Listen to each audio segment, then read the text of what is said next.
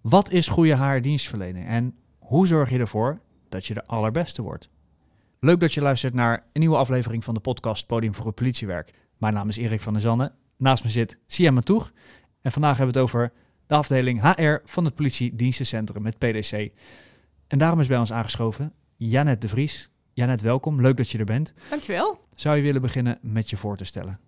Ja, mijn naam is uh, Janette de Vries, werkzaam bij de dienst HRM van het uh, Politiedienstencentrum als onderdeel van die mooie politieorganisatie.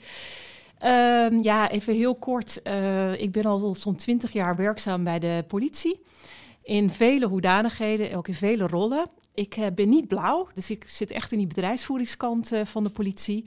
Maar wel alle facetten van het politievak uh, meegemaakt vanuit het perspectief van die bedrijfsvoering. Dus uh, ik ben begonnen uh, bij het Korps Utrecht, waarin ik de eerste jaren bij de forensische opsporing heb gewerkt. Nou, daarnaast voor de GGP ook wel een aantal dingen gedaan, maar ook wat meer de bedrijfsvoer bedrijfsvoeringsdingen, zoals toen de hele ontwikkeling naar de nationale politie. En dat begeleid ook vanuit de eenheid destijds nog vanuit het Korps Utrecht en toen ook vanuit Midden-Nederland. Dienst HRM, wat kan ik me daarbij voorstellen? Ieder voor de luisteraars ook. Ja, dat is een goede vraag. HRM, eigenlijk is het nog wel een beetje ouderwets, want het staat voor Human Resource Management, zoals we onze Human Resources managen. Maar eigenlijk is het, uh, uh, ja, wij zorgen voor alles wat in de breedte te maken heeft met personele zorg. En dat is, dat is heel dat breed. is heel veel, ja. Dat is echt heel breed, inderdaad. En ook als je naar de dienst kijkt, de dienst HRM is dan het organisatieonderdeel.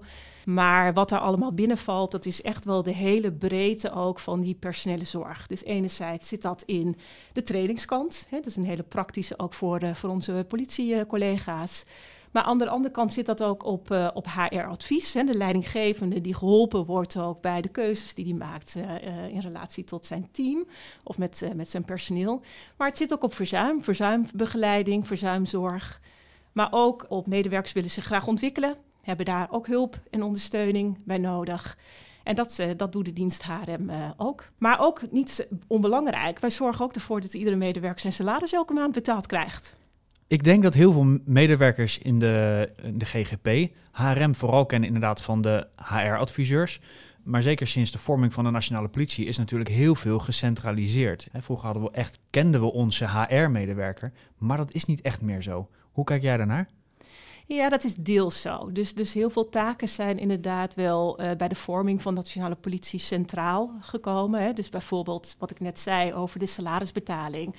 Ja, dat is echt centraal. Uh, zit er een hele groot team met medewerkers die elke dag ervoor zorgen dat alle mutaties netjes wordt verwerkt en dat er uiteindelijk ook een goede salarisbetaling uh, uitrolt. Maar tegelijkertijd hebben we ook nog wel heel veel HR-medewerkers in die frontlinie staan. Dus binnen de eenheden. En of dat nu de HR-adviseur is of de adviseur die helpt bij ontwikkelvraagstukken of de verzuimbegeleider. Dat zit allemaal nog steeds wel in de eenheid. Dus ze worden weliswaar centraal aangestuurd. Maar ze werken gewoon gedeconcentreerd. Nu dan iets anders in deze coronatijd. Maar daarvoor en strakjes zijn ze gewoon weer in de eenheden aanwezig. Kijk, dat is hartstikke mooi. En heel belangrijk ook, denk ik, hè? Jazeker. Vaak hoor dat HR heel erg verbonden is met het management. Hè? Hoor je voor medewerkers is HR of lijkt minder toegankelijk. Is dat ook de opzet of is dat juist niet de bedoeling? Toen wij zijn gestart met ook die centralisatie van HR, was dat wel heel sterk wel het model. En dat was denk ik ook nodig, omdat we toch ook een hele grote organisatie neer moesten zetten. Dus toen is er veel aandacht geweest rondom HR richting ook de leidinggevende. En dat moeten we ook blijven doen. En nu zie je wel steeds meer ruimte ontstaan om ook veel meer HR aan te bieden voor de medewerkers.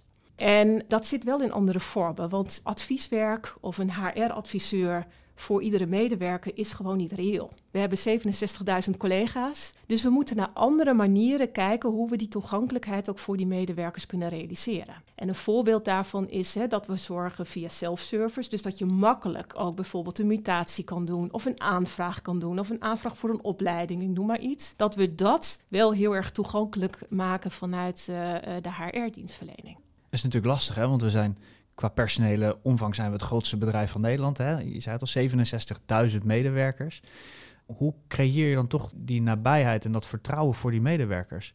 Ja, op, op verschillende manieren. Dus door ook laagdrempelig te zijn in onze dienstverlening. En wat ik daarin belangrijk vind, is dat we ook verschillende kanalen aanbieden om, om die dienstverlening mogelijk te maken. Dus voor medewerkers die het prettig vinden om te bellen, dat we een service desk hebben. Voor medewerkers die het prettig vinden om gewoon digitaal hun ding te doen, ook digitale middelen aanbieden. Ja. En zo op die manier echt goed kijken naar die verschillende behoeftes en daar ook een oplossing voor, uh, voor bieden. Ja, om toch die drempel een beetje weg te nemen. Ja, en ook, hè, dus we, we zijn natuurlijk, we krijgen wel vaak het verwijt van, uh, ja, we moeten eerst uh, klikken voordat we kunnen bellen. En nou, dat, dat, dat heet het click-call-face concept, wat wij in 2015 ook hebben geïntroduceerd toen de tijd ook wel vanuit de gedachte, we moeten gewoon ook wel een stukje beheersing aanbrengen, omdat we niet voor iedereen ook maximaal toegankelijk kunnen zijn. Dus toen de tijd hebben we ook gezegd van ja, we moeten dus ook een service desk voor die mensen die, uh, nou ja, die gewoon graag prettig vinden om te bellen. Dus verschillende kanalen aan te bieden. Maar dat, dat click-call face is nog wel um, af en toe hier wat, wat nou ja, starre beelden. Hè, van ik moet eerst op intranet kijken voordat ik ook mag bellen. En dat proberen we er wel echt een beetje af te, ook in ons imago, ook naar buiten te brengen. Van nee, als jij op dat moment vindt dat je graag wilt bellen of moet bellen, dan moet je ook kunnen bellen. En dan moet je niet iemand aan de telefoon krijgen die vervolgens dan tegen je zegt van,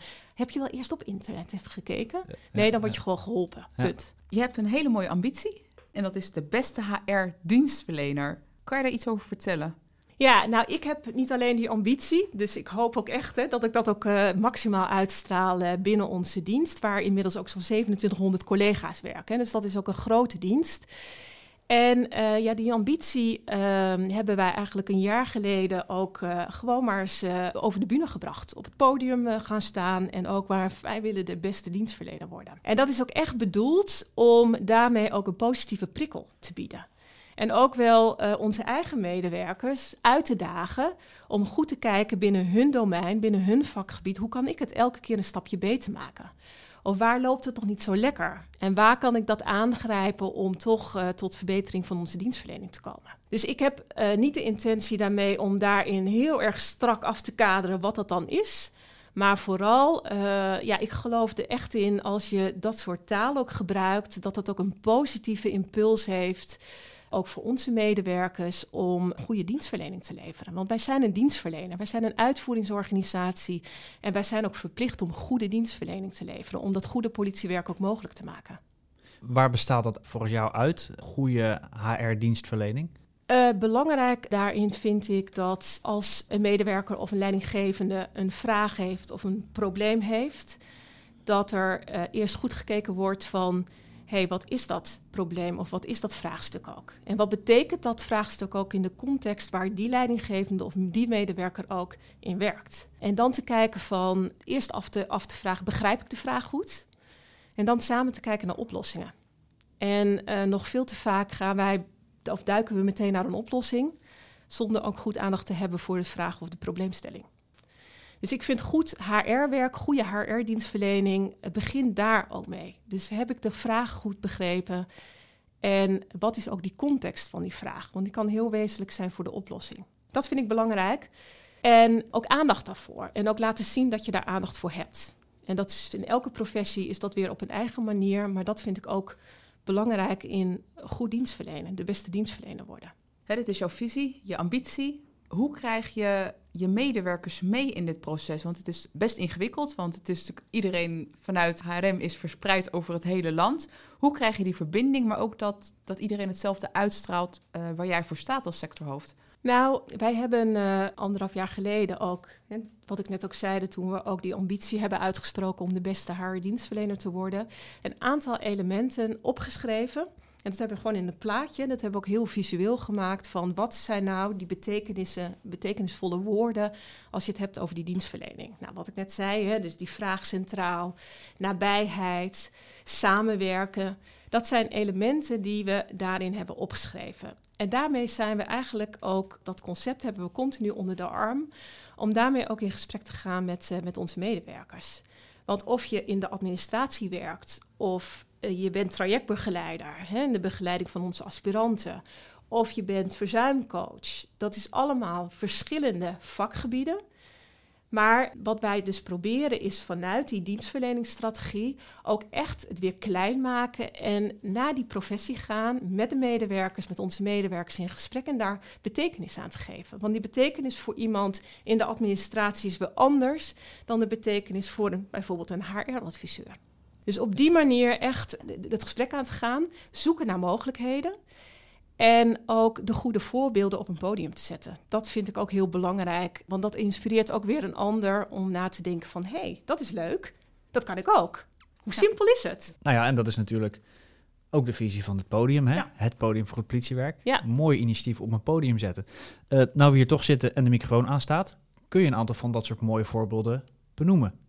Ja, dat zit soms ook in hele kleine dingen. We vinden het belangrijk ook om, eh, om persoonlijker, hè, om onze dienstverlening ook persoonlijker te maken.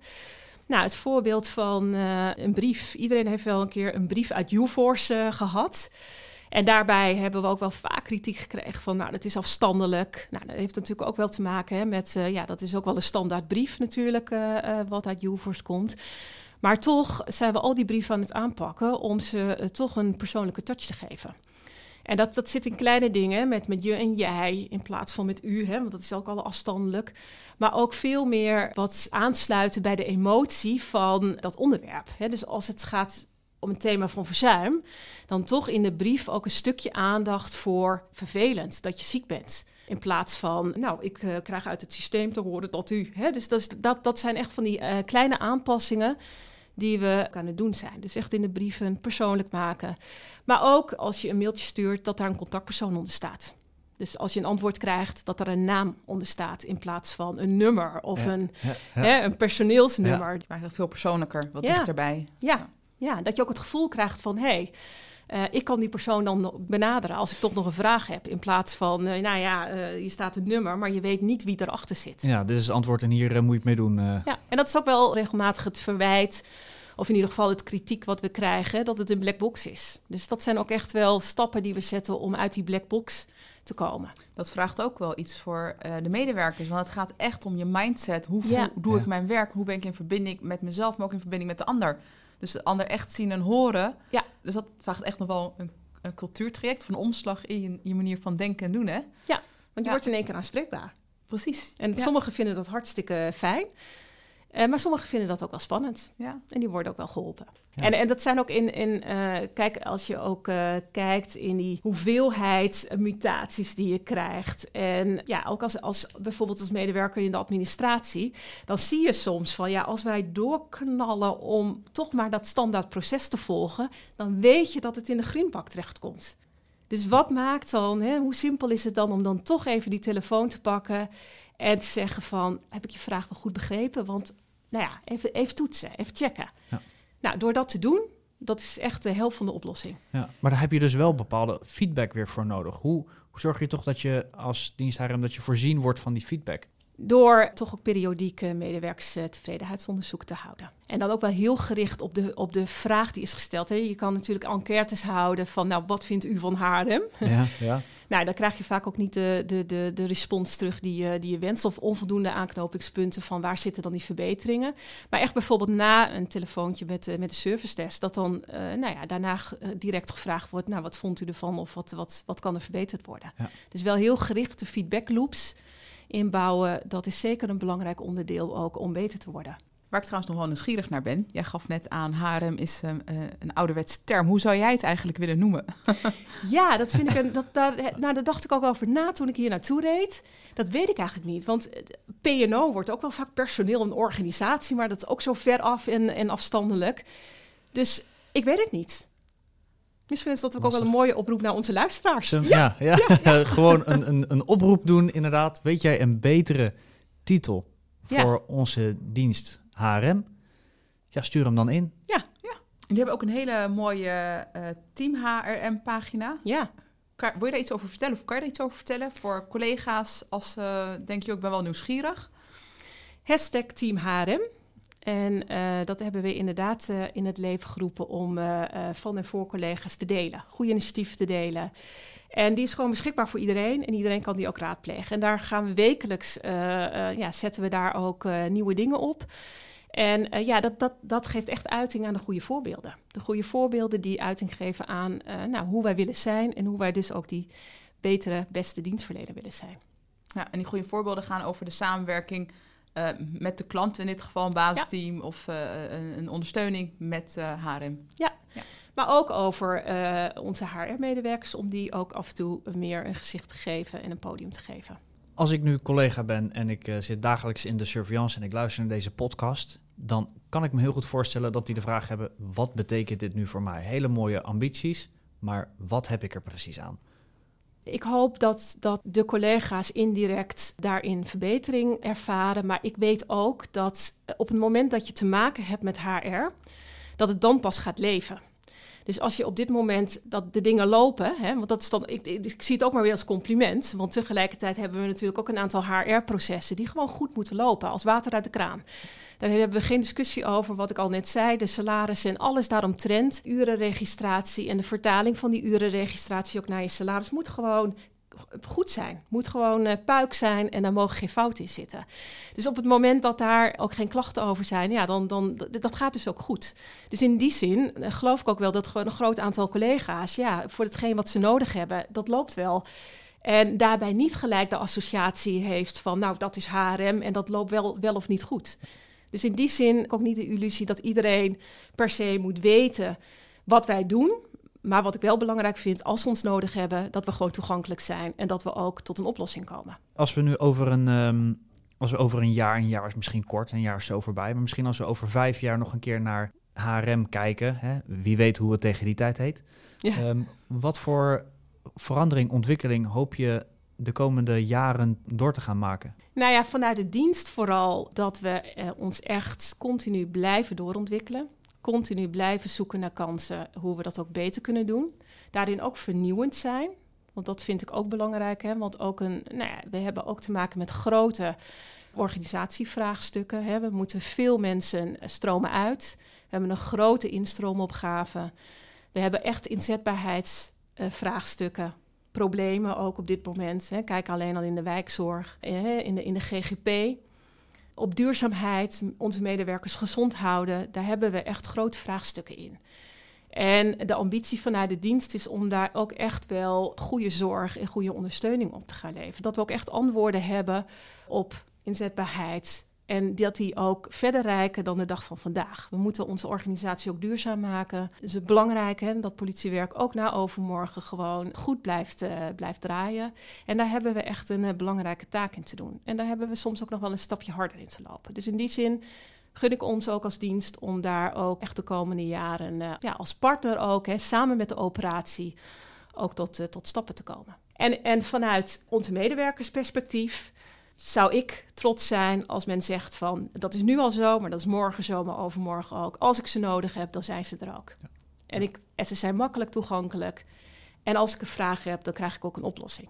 Als er luisteraars zijn die hier graag op willen reageren, uh, Janet, kunnen ze contact met jou opnemen? Of is er een centrale plek waar men terecht kan met uh, vragen? En dan niet even de inhoudelijke HRM-vragen, maar um, voor wat betreft de ontwikkeling die jullie doormaken. Of misschien mensen met ideeën? Altijd. Altijd? Altijd. Okay. Zowel digitaal als via de telefoon. Hartstikke ja, mooi. Zeker, ja, zeker. En zeker ook, nou, wat, wat ook wel een mooie oproep uh, uh, zou zijn. Er zijn ook ongetwijfeld, ik hoop dat er ook luisteraars zijn die denken van... hé, hey, maar ik heb ook wel een goed idee waar het nog wel wat beter kan. Ja. Waar het een tandje scherper kan. Ja. Nou, ik nodig iedereen uit om uh, die ideeën ook bij ons neer te leggen. Kijk, kijk, dat is een hele concrete oproep. Dus uh, heb je een mooi idee hoe het nog beter kan bij, uh, bij HRM en een betere naam voor, voor de HRM? Ja. Hè? Stuur hem dan in. Neem contact op met Janet de Vries. Wil je reageren op deze aflevering? Dan kan het uiteraard ook bij ons, Siema Toeg, of bij mij, Erik van der Zanden. Horen we graag van je. Volgende week dan zijn we weer terug met een nieuwe aflevering. En we hopen dat je dan weer luistert. Bedankt voor het luisteren. Tot volgende week.